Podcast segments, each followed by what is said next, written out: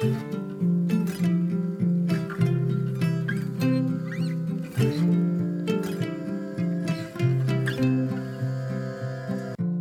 och välkommen till For Health med Anna Sparre! Idag är det ett jubileumsavsnitt. Det är ju avsnitt 200. I samband med det här så ger vi ut hela fem stycken e-böcker som är baserade på det bästa ur podcasten. Lyssna på mig och Johanna idag så får du veta mer både om böckerna och om oss. Och dessutom så lyckas vi komma in på andra ämnen. Bland annat så pratar vi om stress i dagens avsnitt. Men först tänkte jag påminna dig om att du kan boka mig som föreläsare, både till event för privatpersoner och till ditt företag. Jag vill också jättegärna att du lämnar din recension av podcasten i iTunes eller i din podcastapp. Och gillar du det här avsnittet så dela med dig av det på Facebook, Instagram eller till en vän. Stort tack på förhand! Och tack för att du har varit med ända till avsnitt 200! Om du är nyfiken efter avsnittet så hittar du mer information på forhealth.se.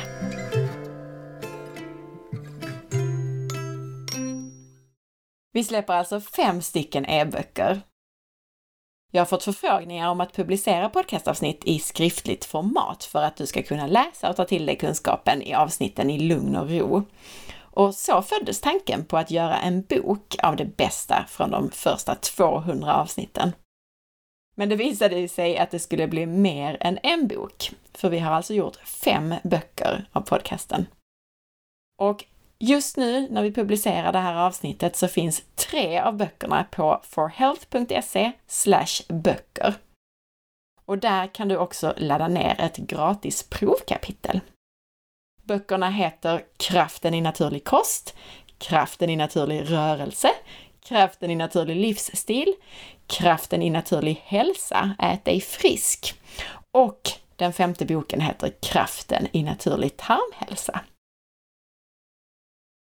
I varje bok så hittar du de bästa podcastavsnitten på varje ämne i skriftligt format och i en ordning som är logisk för att öka din förståelse och kunskap på just det här området och böckerna är i huvudsak baserade på mina egna avsnitt, men de innehåller hänvisningar till intervjuer som kan öka din förståelse ännu mer. Så använd gärna böckerna som en guide till olika podcastavsnitt. Varje bok avslutas med rekommendationer om vilka podcastavsnitt som du bör lyssna vidare på om du vill lära dig mer. Och dessutom så finns det då hänvisningar till olika avsnitt löpande i texten. Och Johanna här, som vi ska prata med här, alldeles strax.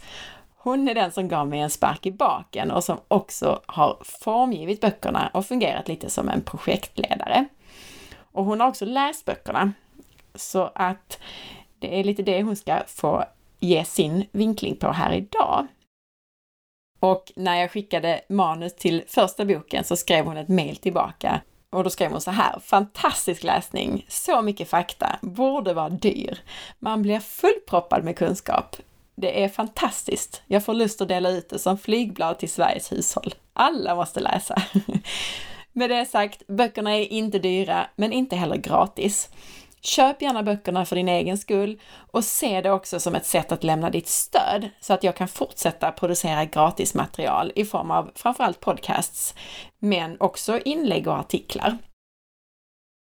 Och ett stort tack som sagt till dig för att du lyssnar, för att du förhoppningsvis stöttar och eh, köper e-böcker och för att du hjälper till att dela och recensera podcasten.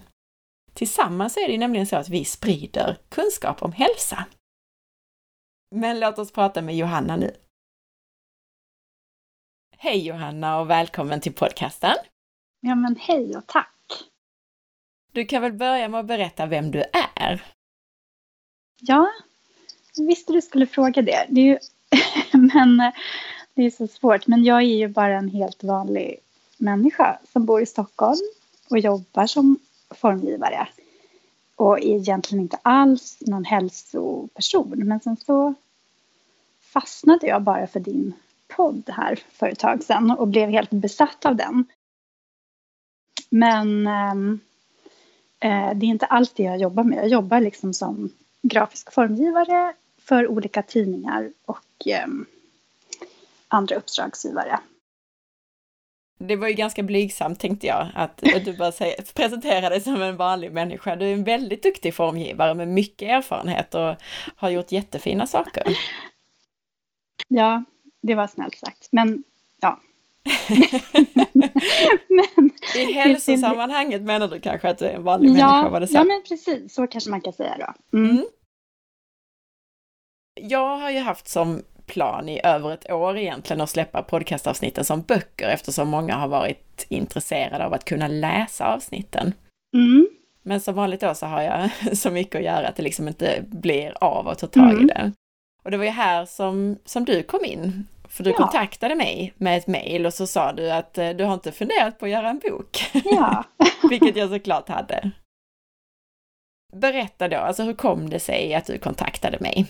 Ja, men det är lite svårt att svara på det också för det, det, det gick lite fort. Jag, jag, bara helt plötsligt skickade liksom det där mejlet för att det var ingenting som jag egentligen hade tid med. eller så. Men jag, jag tänkte bara så här att men det finns så mycket eh, Alltså den här podden innehåller så fruktansvärt mycket spännande information och det borde finnas ja, på papper papper eller man ska säga samlat. Det borde, någon borde bara göra en bok utav det här och om ingen gör det så måste jag väl göra det själv. Alltså då var det som att jag måste bara föreslå det här. Och då tänkte jag kanske också att du säkert var igång med det, att det liksom redan var ett projekt sådär. Men sen så visade det ju sig att du var sugen på att göra det här Ehm, nu. Så då, så, så var det. Nej men och sen så, jag kunde liksom inte sluta lyssna på, på de här poddavsnitten och det tyckte jag var lite märkligt eftersom jag alls inte är liksom då en hälsoperson eller, eller läkare eller någonting. Men det var så omvälvande bara med all den här informationen och kunskapen om kroppen och detta då att du hela tiden vet mer än de som du pratar med tyckte jag också var väldigt coolt. och um, ja, det, var, det bara fängslade mig. Och, um, och sen förstås då så har det ju lite så här personliga anknytningar att jag själv har konstant dåligt samvete för att jag inte tränar tillräckligt. Så undrar väldigt mycket hur man ska äta för att må bra. Ehm, jag har haft konstant järnbrist hur länge som helst. Så att, och då var det liksom som att det var någonting i det här som... det öppnade sig liksom någon ny eh, dörr, eller man ska säga, ett nytt intresse. Liksom. Ja. Ja men vad roligt det är och det, det är väldigt snällt sagt att du säger mm. sådär, att jag kan så himla mycket. Men det måste jag poängtera att jag kan ju inte alltid allt som mina intervjupersoner kan. Mm, även om, nästan alltid. mm, ofta, ja. ofta tillför de i alla fall väldigt mycket. Ja. Och jag har inte riktigt hört din egen hälsoresa sådär Nej, någon gång. Det har vi hunnit prata om. På. Precis. Så det får nog bli ett podcastavsnitt till sen då. Exakt, eftersom det, ja, det är intressant. Anledningen att jag sa ja direkt var ju för att jag kände ju direkt att du var en sån här drivande person som bara mm. fixade saker. Jag behövde den där sparken i baken. Och jag menar, ofta så får man vara den drivande personen själv, men du, var, du kom direkt och du har gjort tidningar själv och det, ja. så jag kände direkt att det här kommer funka. Ja. Men berätta lite då Johanna, din syn på vad vi har gjort de här senaste månaderna, om själva processen. Ja, alltså vi har ju... Ja, men till att börja med så har ju du gjort ett jättejobb att skriva ner allting som jag ju trodde att det redan fanns manus till allting. Men så visade det sig att det gjorde det inte, utan du har ju skrivit ner alla texter, vilket ju är ett satans jobb. Och eh, dessutom, om jag förstår dig rätt, så har du också uppdaterat vissa eh, ja, men vissa fakta eller vissa grejer som du har fått eh, eh, ny information om, eller hur? Så det är lite, lite uppdaterade texter. Mm. Mm. så? I stort sett är det samma, men är det någonting där jag känner att okej, okay, det, här, det här finns det mm. så pass mycket nytt så har jag på något sätt fått in en liten kommentar mm. om det. Just Så att jag, där finns vissa uppdateringar jämfört med podcastavsnitten, det stämmer. Mm. Och det här du säger också om att eh, det, det, jag har haft manus till en del avsnitt, men ofta är det sådär stolpar och inte så noga skrivet och sådär. Så det har ju det. varit ganska mycket jobb, precis som du säger. Mer jobb än vad jag Mm. själv trodde också med Mm, texterna. Mm, jag har förstått det. Precis. Och sen så har du helt enkelt skickat det till mig och sen har jag ja, um, hällt in det i en, den form som jag har gjort då. Och det har ju varit lite speciellt eftersom det ska läsas på skärm och inte på papper. Det har varit lite, lite mm, nytt, ska jag säga. Jag brukar göra saker som man trycker ut och läser på papper, alltså tidningar helt enkelt. Men det här ska ju läsas på skärmen så då fick man tänka om lite. Så, um, ja, och sen så ska det gå uh, ja, men att hitta lätt och, och förstå liksom var man är någonstans. Jag har liksom fått tänka lite annorlunda. Och jag har ju lärt mig en, en hel massa från dig där, inser jag. Jag inser ju inte hur Mm. mycket saker det är att tänka på. Allt från textstorlek till eh, avstånd mellan rader och du lärde mig det. nya uttryck för stora bokstäver, eller ja Mm, precis, stora bokstäver men i liten Ja, eh, storlek. Ja. Precis, sådana saker och var bilderna Ja. är placerade och Ja. Ja, färgsättning av bilder Mm. och det ena med det tredje som jag inte Mm. har tänkt på innan. Men det har ju resulterat i, tycker jag, väldigt lättlästa Alltså trots att det är mycket fakta så blir det ändå väldigt lättläst med hjälp av din formgivning, med bilder och bildtexter och Ja. liknande. Precis. Ja, men vad bra. Ja, men precis. Det är ju lite... ehm, ja, men man vill ju då att det ska vara lika lättbegripligt som det är när man lyssnar på det. Alltså det ska vara samma typ av... Um, li, alltså, lite motstånd helt enkelt. Och det kan vi också påpeka att det är ju fortfarande böcker där vi har skrivit ner vad vi har sagt, så att, eller vad jag har sagt då i huvudsak. Mm. Och då blir det ju, det blir ju ändå lite mer talspråk, eller hur man nu ska uttrycka det. Ja, det är ju. Man skulle ha gjort det annorlunda om det hade varit eh, eh, tryckta böcker som ska stå i en bokhylla helt enkelt. Ja, men så det är lite vad vi har gjort och det är precis mer jobb än vad vi trodde, men Mhm. eh, väldigt roligt har jag tyckt att det har varit i alla fall. Ja, verkligen. Nu har jag ju skrivit texterna som sagt, så du som har läst med lite fräschare ögon, Mhm. vad tycker du om de olika böckerna? Vi Mm. kan ju ta en i taget tänker jag. Mm. Och eh, den första heter Kraften i naturlig kost. Så berätta lite, dels om vad den handlar om, kanske kort, men och framförallt vad du tycker om den. Mm. Alltså det här är ju liksom kronan på verket om man säger. Det här är ju verkligen eh, den här samlingens eh, diamant. Det här är ju, Um, ja, men jag tänkte lite på det förut, det är som en liten som en buljongtärning, alltså superkoncentrerad kunskap. Um, och som, från din podd. Alltså du pratar ju om, om, det finns ju många böcker som är dina favoriter men den här är ju verkligen, Um, ja man kan ta den här under armen och sen lever man gott resten av livet. Den innehåller allt man behöver veta. och, och dessutom så innehåller den saker som man faktiskt inte vet när man bara går runt så här i liksom sin vanliga värld. Man, man får inte... Eh, man, man, man, man förstår inte att kroppen funkar på det här sättet. Man tror att den funkar på något annat sätt. Eh, ja, och... Um, nej, men jag tycker verkligen att den är oumbärlig. Den är, den är, den är, den är verkligen eh, heltäckande.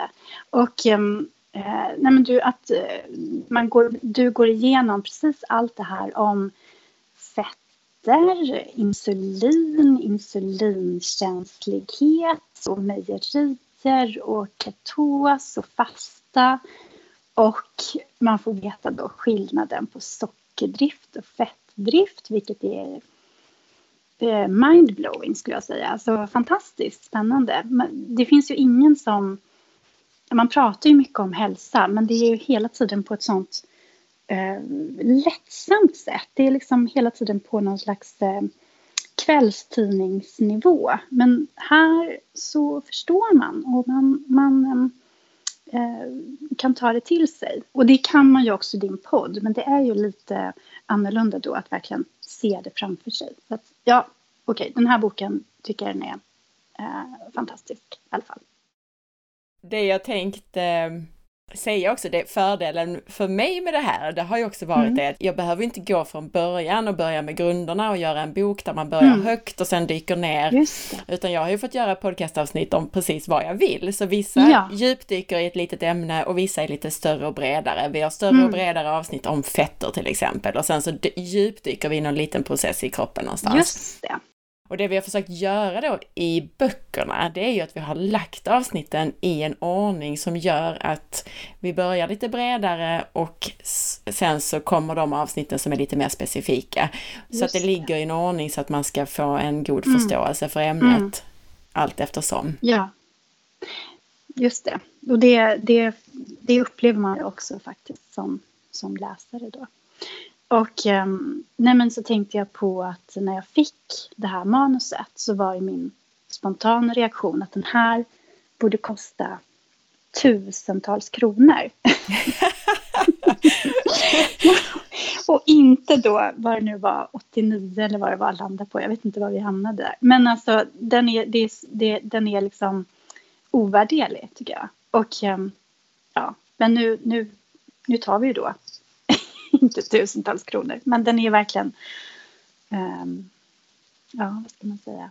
Precis, den boken är ju den som kommer att kosta mest och den hamnar, precis, nu sitter ingen av oss med priserna framför Nej. sig, men den hamnar på ungefär 89 kronor och den billigaste ja, på så. runt 39 kronor ja. tror jag. Vi pratar ändå om att eh, den kommer att hamna på en, i alla fall en 150 sidor, ja. kanske mer. Ja, ja, precis. Okej, det var den här som heter Kraften i naturlig kost. Mm. Vad var det bästa eller vad har du lärt dig av att läsa den? Jo, men jag tycker att en rolig grej med den här boken är att man... Eh, nu kanske jag flummar iväg lite, men jag tycker att det är spännande att man som, som eh, tjej får lära sig vad man ska äta. Att man inte ska äta bakelser utan inälvor. Alltså och det, jag har inte riktigt kommit dit. Men jag, jag, tycker att det är spännande den här tanken att um, uh, vad vi faktiskt är gjorda för att, att äta. Och um, att det finns liksom någon form av, uh, ja men lite, det är lite feministiskt på något sätt. Att, jag menar, nu, nu kanske jag verkligen drar det här till sin spets. Men det är liksom nytt för mig hur, hur vi um, och alla människor, men särskilt tjejer som, som liksom tror att man ska gå och banta hela tiden. Alltså hur mycket mat man ska äta och hur mycket fett man ska äta och hur mycket inälvor och liksom grejer man ska sätta i sig. Det tycker jag är nytt och spännande och eh, roligt att läsa. Och vi kanske ska poängtera det. Jag vet att jag har tidigare avskräckt många människor genom att prata om inälvor just, så vi kanske ska påpeka okay. att det faktiskt bara är en liten, liten del av boken okay. som handlar om just inälvor. Ja, ja, ja, Men jag förstår mm. din poäng, alltså att mm. det här typiska tjej, eller ja, mm. det är också kanske lite att vi äh, har lite förutfattade mm. meningar där. Men mm. i min erfarenhet så är det vanligare att det är tjejer som har liksom bantat, ätit mm. lågfettskost, eh, man ska leva på en kopp kaffe och Eh, in, eh, mm. precis, det är bättre att ta en liten kaka eller en liten macka ja. än att äta ja. en rejäl måltid. Mm. Medan Precis. det i själva verket är tvärtom, att det är bättre att äta riktig mat och äta sig mätt. Precis. Och då kan man till och med gå ner i vikt av om man nu skulle ja. behöva det. Just det. Nej men jag tycker det är bara spännande. Och jag, jag menar, jag är ju inte helt, jag vet ju det här LCHF som har varit en sån himla trend de senaste åren. Men, men så det här är ju inte, det är liksom det har jag ju uppfattat. Men det är i alla fall spännande att, att läsa om hur, hur viktigt det är att man, att man äter så här. Mm.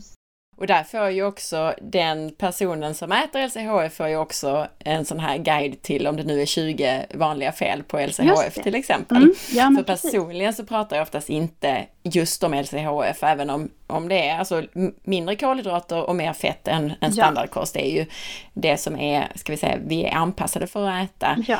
Medan jag brukar benämna det kanske en evolutionär kost till exempel, alltså att vi äter som vi är gjorda för att äta. Just det, precis. Mm. Nej, men, och sen så tycker jag också att det här då avsnittet om fett är väldigt, eh, väldigt eh, intressant och det är så otroligt eh, välgjort att man, du går igenom alla de här olika fetterna som finns och, och liksom varför eh, varför man ska undvika det ena och varför man ska välja det andra. Och det, det tycker jag, jag har faktiskt lyssnat på det här poddavsnittet säkert två, tre gånger för jag tycker bara att det var så, det var så mycket nytt det här med hur man behandlar eh, växtolja, att man har det i de här tankarna som går över eh, ja, men som, som går över haven med och så ja, men såna skitiga båtcontainrar som man fyller med växtolja som man sen renar genom processer. Mm. Det, var, det är jättespännande. Mm, precis. Och det är ju en bra anledning till att ha boken, tänker jag. Så många avsnitt, eller det är många som säger det, att man vill lyssna en gång till på avsnittet och sitta mm. och anteckna och sådär mm. för att få med sig vissa detaljer. Och då kan man ju istället för att gå tillbaka till själva, man kan ju lyssna på podcastavsnitten och sen så är det någonting som man känner, här måste jag gå tillbaka, men då är det lättare att ha det i bokform ja. kan jag tänka. Ja, men precis. Precis så. Och det är ju mm. också, mm. har man det som en e-bok då är det ju faktiskt sökbart i själva dokumentet. Alltså söker man efter eh, inälvor då kan vi ta som mm. exempel, så kan man skriva mm. in det i en sökruta i själva e-boken så hittar man faktiskt det. Ja, just det. Det låter bra. Lättare än att spola och så tänker jag i en, ja. ett podcastavsnitt. Ja, men vad roligt att höra om, om vad du tyckte om den. Det är alltid lite svårt för mig att veta. Jag bara sitter så mycket med det här materialet och poddarna och texterna och vissa saker är självklara för mig men inte för en annan. Mm. Så då är det roligt att höra mm. Vad du har tänkt på. Ja. Och sen har vi gjort, om vi går från den längsta boken till den kortaste boken, den minsta boken, så är det den som heter Kraften i naturlig rörelse.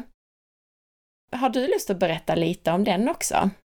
Ja, den är ju precis, den är en kortisbok. Men, och den tycker jag är, är ehm, bra därför att du går igenom i början, där första kapitlet tror jag det är, våra sju grundrörelser. Och det är också nytt för mig. Det är säkert inte nytt för människor som tränar konstant. Men det, det, var, det tyckte jag var så himla bra att få lite grepp om. Om man bara har de här sju grundrörelserna liksom i åminne så kan man ju, ehm, ja, men när man går och tränar eller kanske bara i vardagen, hålla lite koll på att man gör det här titt som tätt. Det tyckte jag var, det strukturerar upp, alltså det, det tog bort lite stressen kring vad träning, vad träning borde vara. Så ja, men gör man bara det här så är det i alla fall en grund att stå på. Ty, tyckte jag var intressant. Sen så, eh, så var det också intressant för jag, jag tänkte hela tiden när jag läste det här så tänkte jag så här, men gud, jag, jag borde ha Alltså man blir väldigt stressad så här som kontorsmänniska. Hur lite man faktiskt rör på sig på dagarna. Det är ju inte klokt vad man eh, förstör sin kropp. Så jag tänkte hela tiden när jag läste den här boken så tänkte jag så här, jag borde ha blivit trädgårdsmästare. Jag borde ha blivit trädgårdsmästare. jag, jag bara får som verkligen eh, ah, dåligt samvete på hur, hur mycket man sitter still. Och sen en rolig grej så var att, att när jag eh, korrläste boken eller läste igenom det första eller någon av gångerna här så satt jag på huk hela tiden för att eh, eh det hade jag då lärt mig att det var nyttigt att sitta på huk. Så då gjorde jag det en hel kväll här hemma. Jättetrött i benen sen. Men det var liksom... Så, ja. Gud vad bra, det var roligt att höra. Mm. Precis, och det är ju faktiskt så att det finns ju saker man kan göra, även om man då är kontorsrotta så att säga, att man kan mm. faktiskt bara genom att byta ställning, att man mm. står lite, man sitter kanske på golvet, man kanske till och med ligger på magen om man har möjlighet till det, om man jobbar hemma till exempel. Ja, så, kanske kan inte på kontoret, men... Nej, inte alltid om man tar ett eget nej. kontor, men det Exakt. finns andra saker att göra i alla fall. Mm. Har du lärt dig någonting annat i den än att sitta på huk? Man har liksom lärt sig allting. Men högsittande, det tog verkligen eftersom jag då um, satt en hel kväll på huk här. Och sen så tyckte jag också i och för sig att det var lite kul för jag tycker själv att, att det är ganska bekvämt att sitta på um, man sitter på på, på knä på golvet. Jag, och jag sitter gärna på knä i soffor också och att stolar ibland kan kännas um, Eh, konstruerat. Att hur, hur, man, hur man sitter på en stol. Att det, det känns ibland att det här är en uppfinning som inte riktigt är gjord för kroppen utan mer för att det ser bra ut. Liksom. Så det, det, det finns ju då en förklaring till det, att man är inte gjord för att sitta på en stol helt enkelt. Nej, och visst man har säkert suttit på en sten eller en stubbe någon gång ibland. Ja. Men inte sådär långa perioder. Det måste Nej, ju varit mer vanligt att sitta på huk till exempel eller sitta direkt på marken.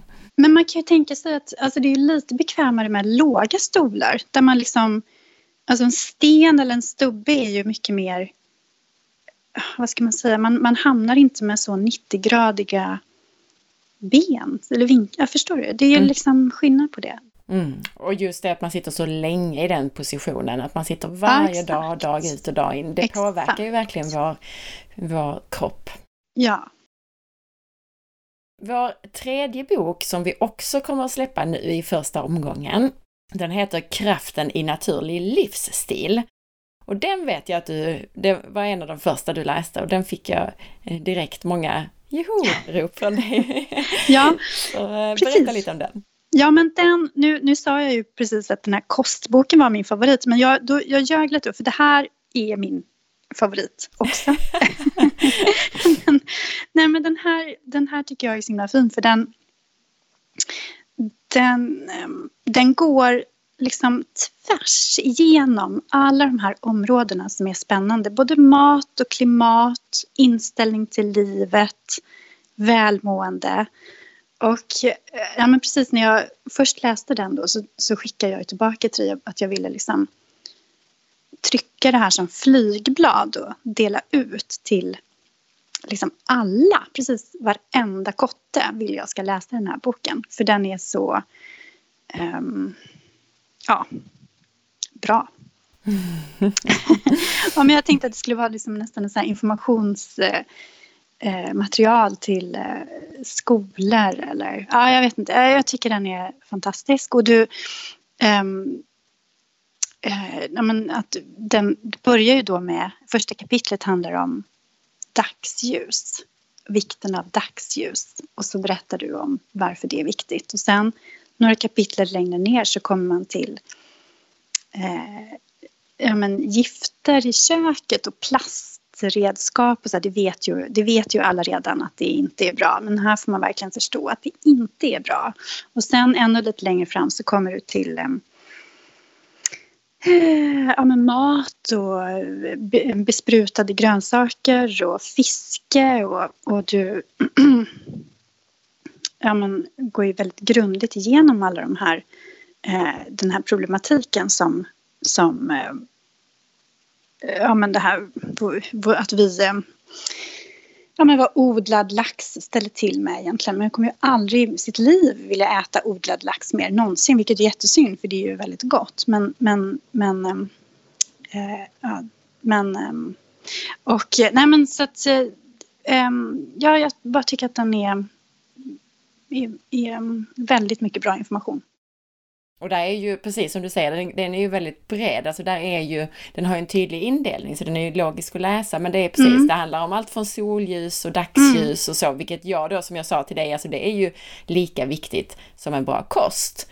Just Så det. den måste få en egen del. Det Ja, var just det, liksom precis, den ja. diskussionen vi hade där i början. Ja, just det, just det. Så och sen då är en del om gifter och detox och det handlar Mm. också, det kommer också de här avsnitten som är väldigt ingående kring hur den egna kroppen detoxar så att säga, hur, hur man avgiftar sig själv. Just det. Och där i de här med detox och gifter och så, så kommer det in sådana saker som huvudvärkstabletter och alkohol och de här bitarna också. Just det. Nej, men och bara det att kroppen då gör de här detox... ehm, att den detoxar. Fast du använder ju ett annat ord för detox. Du använder Biotransformation. just det. Och eh, det tyckte jag var väldigt kul att läsa också. Att, att man inte behöver köpa några dyra paket som ska detoxa kroppen utan kroppen gör det själv. Det tyckte jag var nytt och intressant och det tycker jag att alla ska veta. Nästa del, om jag inte minns fel, är väl den om avslappning och sömn, va? Just det. Och så handlar det också, det är, jag vet en del i den boken som handlar om hur man gör sina förändringar, hur man gör livsstilsförändringar ja. och kostförändringar och den biten. Precis. Mm, hur når man sina mål och hur gör jag? Och... Precis, den är, det är, ja men den att läsa här om dina grejer, eller dina egna din, en, en, dag, en, en vanlig dag i ditt liv. Det är ju också eh, spännande tycker jag som vi som lyssnar på dig. får vi äntligen veta här. Vad du pysslar med. Nu minns jag inte när jag gjorde det avsnittet men jag tror att min son var lite yngre så vissa av de mm. sakerna kanske är beroende av att jag har ett ännu mindre barn hemma. Det där med hur, hur ofta man vaknar på natten och sådana saker ja, till ja, exempel. Men det är ju relevant för, för, för, den som har barn till exempel. Exakt. Eller Exakt. den som vaknar av andra anledningar. Exakt. Jag tyckte det här var roligt när man ska nå sina mål här så har du vid något tillfälle skrivit att man ska eh, känna känn dina cravings. Att man ska inte stoppa dem under mattan utan man verkligen ska känna de här cravingsarna. Det tyckte jag var så himla rolig tanke. Det att, eh, att ge utlopp för det lite, det, är liksom, det kändes lite så här dramatiskt och uppiggande att man inte ska eh, skämmas för det. Man ska känna efter sin hunger eller sitt sötsug eller vad det nu kan vara. Och sen så ger du då tips för hur man inte ska falla för dem. Men det tyckte jag var lite kul det här att inte stoppa undan det utan att man bara ska få mm, känna efter hur, hur det känns att längta efter någonting. Precis. Och sen ändå välja någonting annat. Ja. Och det, det, tror jag faktiskt att det är ett avsnitt i kostboken som handlar om lite grann kopplingen till sockerberoende och den biten, eller det behöver inte vara sockerberoende, men någon slags, ska vi säga, en relation till mat som inte alltid är så önskvärd kanske. Och då, ah. jag, jag, tror att det är för ah. avsnitt, men det kan vara någonting om det i livsstilsboken också. Jag faktiskt kommer inte ihåg exakt. Mm. Men däremot, för det, det, okay. precis, det handlar precis om det här att det är ju, ett problem är att lägga väldigt mycket energi på att oh, den tanken är farlig eller jag får inte känna, oh, det är farligt att känna ett sötsug eller det är farligt att tänka mm. att oh, jag måste ha godis eller vad det nu är för någonting. För då blir det ofta så att man, man trycker undan, trycker undan, trycker undan och lägger jättemycket energi på det tills det inte ork, man inte orkar längre. Mm. Istället för att bara mm. slå, våga släppa mm. fram det. Så tanken är ju inte farlig. Mm. Utan det är ganska Just många det. steg från tanke till action så att säga. Mm. Ja, precis. Jaha, men det är fel ja, bok. det, det gör ingenting. Du, tanken är ju egentligen att man ska kanske vilja ha alla böckerna. Jag hoppas det i alla fall. Exakt, exakt, exakt. För det första, de är ju inte dyra de här böckerna ska vi ju säga. Alltså det jämfört med att gå min distanskurs till exempel så är det mycket billigare att köpa de här böckerna. Ja, precis. Sen finns det ju ett gratis provkapitel också som man kan ladda ner. Så det är också en bra grej. Och sen har vi också, dessutom vi har ju två ytterligare böcker. Det här är ju de tre som vi släpper nu tillsammans med det här avsnittet. Alltså den kraften i, i naturlig kost, kraften i naturlig rörelse mm. och kraften i naturlig livsstil. Och sen kommer det ju två ytterligare böcker förhoppningsvis i november, eller planen är att de ska komma i november. Och då hoppas vi att vi kan mm. hålla. Och det ja. är då eh, kraften i naturlig tarmhälsa som bland annat handlar om magen och matsmältningen och tarmfloran. Och sen eh, också kraften i naturlig hälsa, ät dig frisk kallas den också den boken. Mm. Som handlar mer om hur man eh, förebygger och faktiskt kanske till och med reverserar sjukdomar som cancer och eh, demens och sådana mm. saker. Den är jag väldigt nyfiken på själv ska jag säga. Mm. Ja, du har inte fått hela manuset än, precis. Nej, det tycker jag känns spännande. Jag tror ju också att den kommer vara hyfsat populär den här om tarmhälsa, för det är många som har fått mm. upp ögonen för och gillar de avsnitten som vi har gjort om just tarmflora ja. särskilt och mm. magsyra och matsmältning och alla de här bitarna. Mm. Men kan jag passa på att fråga dig då, hur skulle du säga att den skiljer sig, det här hälsoboken från kostboken? Det handlar fortfarande om hur man ska äta för att bli frisk, men skillnaden? Det handlar ju om att, ja, äta sig frisk och, men det är andra saker än kost för det första också. Mm. Och sen är det ju väldigt mycket mer specifikt då, alltså om vi pratar Mm. cancer till exempel, ja men Mm. cancerceller till exempel, de lever på socker och, och så, Mm. så då, då kommer man in på den biten och Mm. vilka kanske tillskott som kan vara viktiga att ta, vilka fetter som är bra mot Mm. demens och Alzheimers och sådär. Just det. Så det blir mycket mer specifikt Mm. för ett visst tillstånd. Just det. Och sen är det ju saker som vi inte har pratat om i kostboken alls, som till exempel kolesterol kommer vi in på i den boken. Mhm. Just det, precis. Och Mm. vi kommer in på, det finns väldigt mycket information om inflammation och hur man förebygger inflammation Mm. med kosten och andra, på andra sätt. Mm. Det pratade du också om i det här fettavsnittet, vilket ju är spännande. Mm, just det. Det dyker upp lite överallt, men Ja, men det är ju så, Ja. inflammation Mm. är, jag, ibland säger går jag så långt att jag säger att inflammation är roten till allt ont. ja. Men eh, inflammation är också någonting viktigt. Men inflammation och framförallt den här låggradiga kroniska inflammationen, den är involverad i alla våra välfärdssjukdomar, Mm. alltså Ja. cancer och demens och Mm. ja, akne och Ja, autoimmunitet, allt, allt, allt. ja. Har du någon favoritbok än så länge? Ja, men det måste ju bli den här livsstilsboken. Den som går igenom hela faderutten. Det är ju min, det måste jag säga att det är. Det här som, att den, eh, där du pratar om både kost och miljö och välmående, alltså lycka. Det tycker jag är en väldigt fin bok. Bra bok. Mm. Mm. Och du, har du någon? Ja, jag, jag, jag kan inte riktigt det. Men jag gillar också den livsstilsboken, men jag Mm. gillar också kostboken. Och det kanske är för att jag får med så många avsnitt i den. Mm. Det. Det är svårt att utesluta Mm. någonting. Mm. Och det där livsstilsboken handlar ju inte så jättemycket om kost egentligen, men det, det blir ju ändå så, alltså kost är ju en del av livsstilen, så det kommer ju såklart in Mm. i allt. Men jag tror den boken är bra också, livsstilsboken, därför att kosten får inte huvudrollen i den boken och jag gillar det för att det är så många som kommer till mig som, som säger att ah, men jag, nu har jag testat detta och detta och detta blir ändå inte frisk och då är det saker med kosten de har testat om man har tagit, ätit så lite kolhydrater eller man har ätit så mycket fett eller så Mm. mycket antioxidanter Mm. och så mycket tillskott medan Japp. i själva verket så spelar, alltså det är ju stolsben på något sätt det här delarna det. i din hälsa och det spelar minst lika mycket roll för de flesta människor hur mycket dagsljus de får, hur mycket Mm. de sover på nätterna Mm. och, hur, och så vidare. Då. Så att, Hur mycket de jobbar. precis, i Ja. förhållande till avslappning. Ja. Det, ja, den är ju De, intressant. ja. hur mycket vi jobbar. Hur Mm, mycket man precis. jobbar. Ja.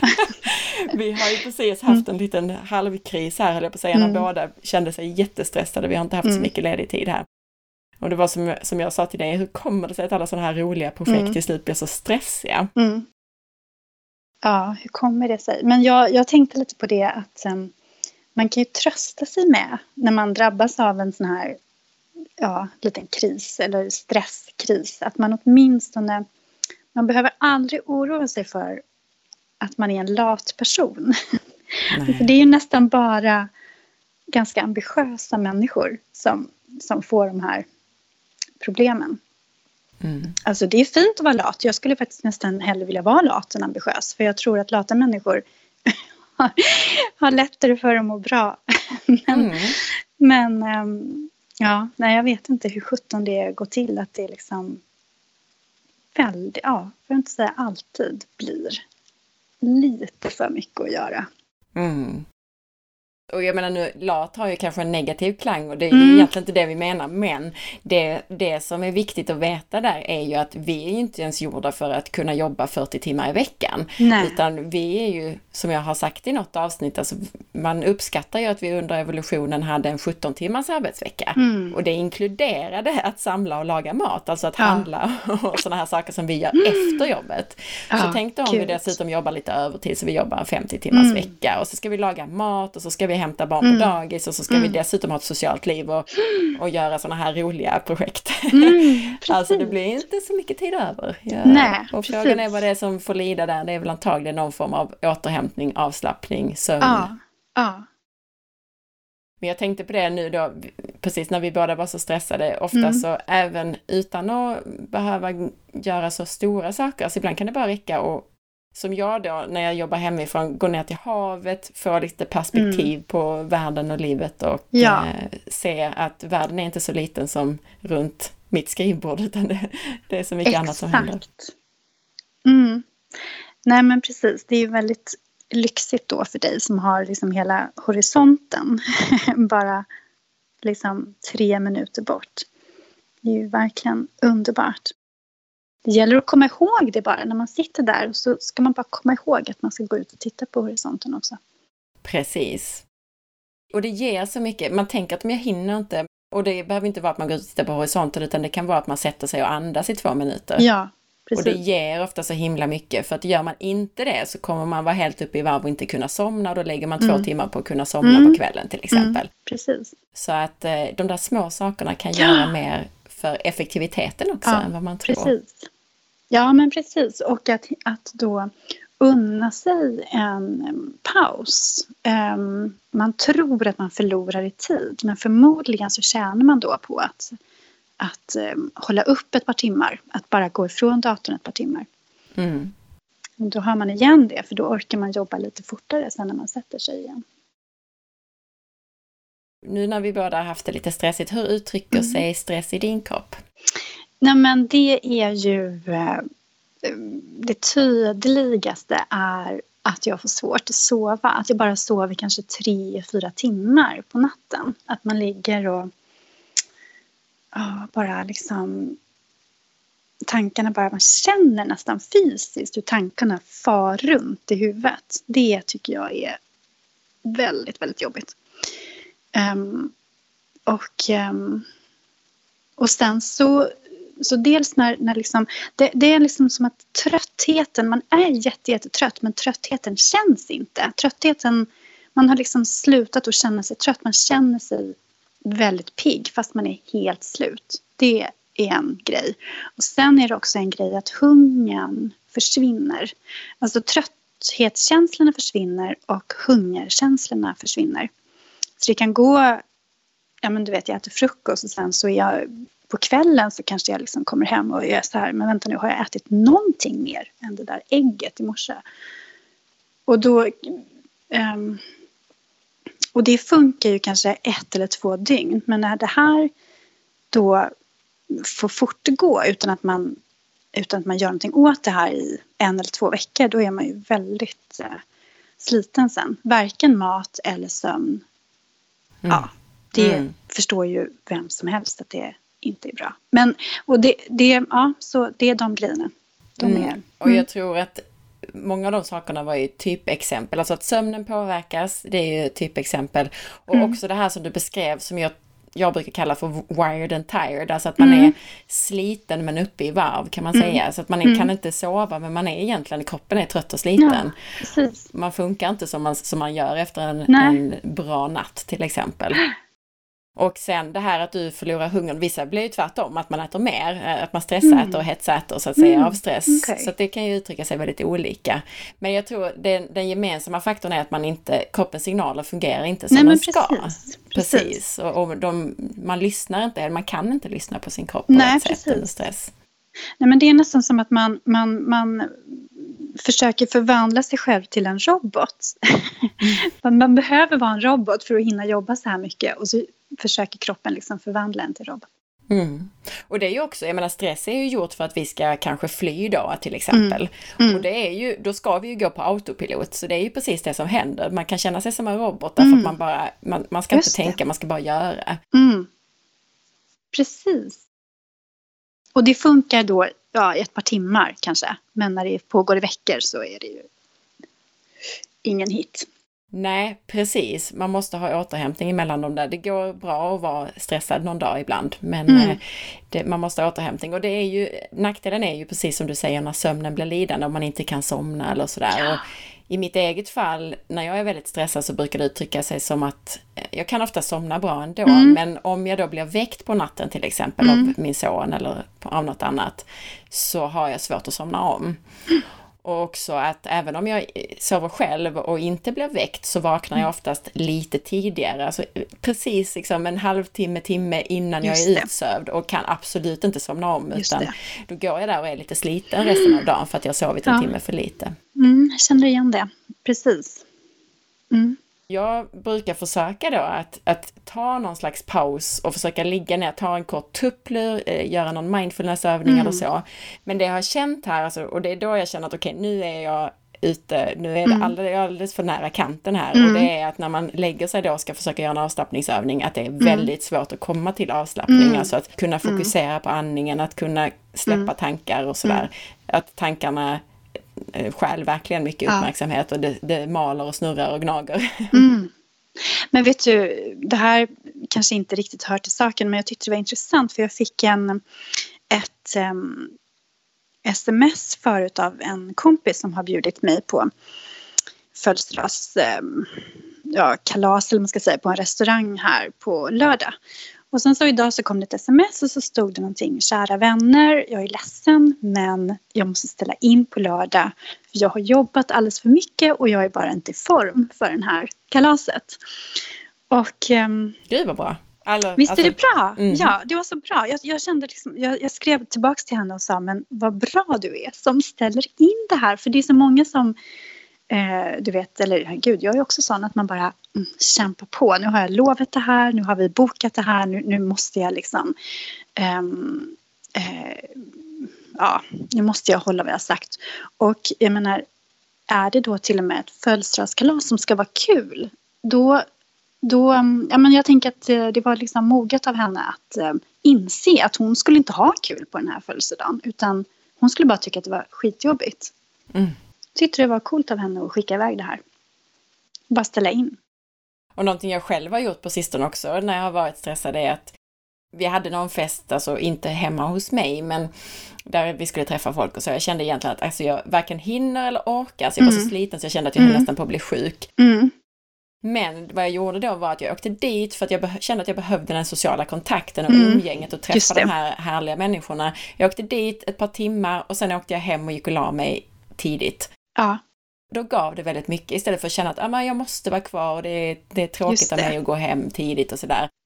Nej, det är, man, är det många människor så är det ju ingen som egentligen ingen, tycker det, mer än precis, själv. det är ingen som märker. nej, man inte ens bara, det. Nej. Vi kan prata hur mycket som helst om stress mm, mm, egentligen. Och mm. så. Men ja, om vi kommer tillbaka till böckerna då. Mm. Vad skulle du säga är huvudanledningen till att den som lyssnar nu ska köpa e-böckerna? Ja, för att de är så fina. Ja, det är de verkligen, för du har formgivit dem. De är jättefina. nej, men ja. Eh, men man ska ju förstås köpa dem för att man ska ha det här eh, eh, ja, men ha den här informationen tillgänglig på, ja, men som text och kunna läsa det här. Det, det sätter sig ju helt klart bättre om man både har lyssnat på poddavsnitten och sen får läsa dem. Det är mm. roligt att ta till sig det som text också. Man, man, man förstår på ett annat sätt.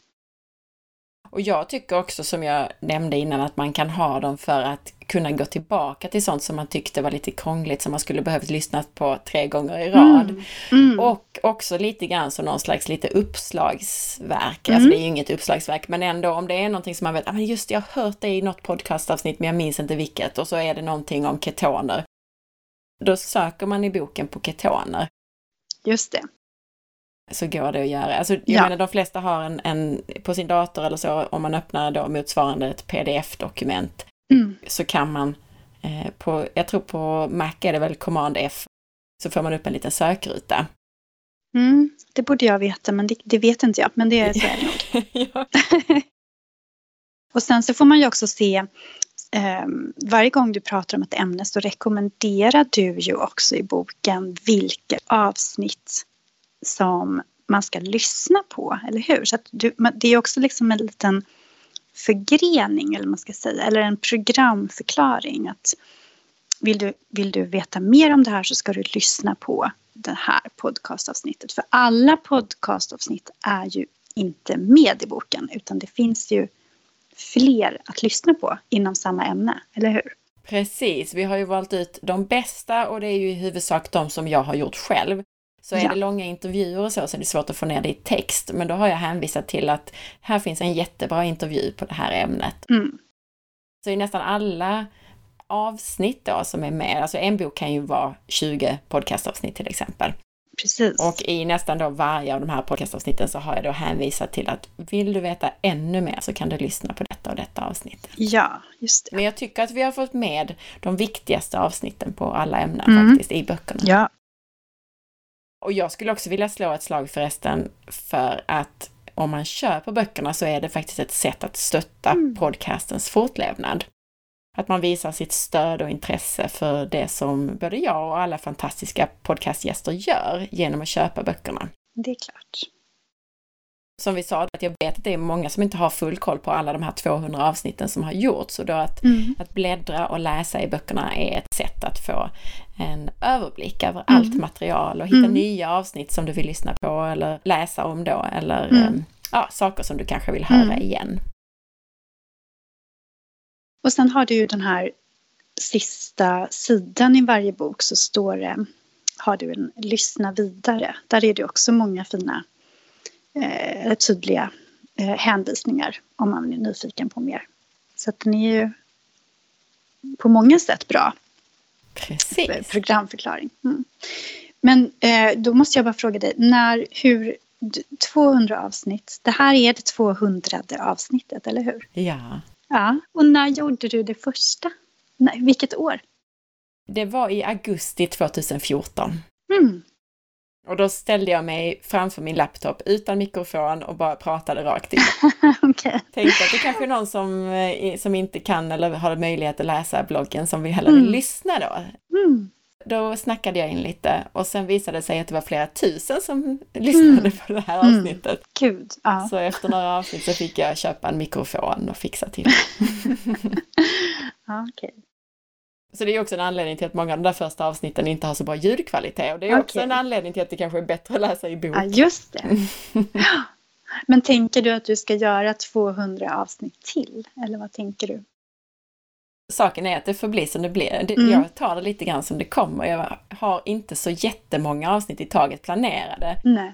Så länge det är kul, så länge Mm. det är mycket lyssnare, så länge vi får mycket recensioner, att många Mm. sprider den. För det är lite det det hänger på. Mm. Det jag vill med det här är ju att kunna sprida verklig information om hälsa Mm. och inte, precis Mm. som du säger, bara kvällstidningsinformation Nej, eller de här precis. motstridiga, att Mm. okej, idag kommer en artikel om att kött är farligt och nästa Mm. dag kommer det om att kött är bra. Att man själv ska kunna lista ut det. Just det. Det får mig att tänka på en grej som jag tyckte var kul också nu när vi har jobbat ihop. Att, em, att jag har förstått att du är eh, liksom helt oflummig. Alltså det finns inte ens en bildtext som inte får ha forskning på. Eh, det, det tycker jag har varit ganska kul och, em, och bra att, att veta.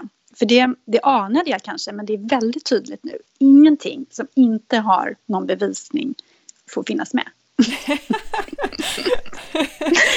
Åh tyckte gud, jag- vad tråkig jag låter nu. Så Nej, himla Nej, men det ska vara tråkigt. Det ska vara liksom alldeles... Det är jättebra. Det här ska inte vara något flummigt, utan det ska vara på riktigt. tycker jag är bra. Mm. Mm. Nej, men, nej men det är sant, jag har lusläst Mm. alla, Mm. alla bildtexter. Mm. Mm. Det får inte vinklas fel. Ja, det, det stämmer. Ja, det är roligt att jobba med någon annan med ett annat perspektiv så man Mm. får lite, lite, och det är nyttigt alltså. Gud vad nyttigt det är. Jättebra. Mm. Vad bra. Och jag vill bara rikta ett jättestort tack till dig också Johanna innan vi Ja. avslutar för att du är verkligen, och det, du var väldigt blygsam i början men du har ju jobbat Mm. för alla stora tidningar och gjort så mycket snygga grejer och jag vet att skulle jag, nu, nu kommer ju du liksom, du kommer ju knappt få något betalt för det här, alltså så Mm, är det ju, vi gör det som ett Ja. projekt medan Mm. Du skulle ha tagit i vanliga fall väldigt mycket betalt för ett sånt här jobb. Ja, men gud. Ja. Men ibland måste man ju ha roligt också. Mm. Mm. Tusen tack Johanna för att du tog dig tid även här och var med Ja, och för Det var roligt. ditt arbete. Tack själv.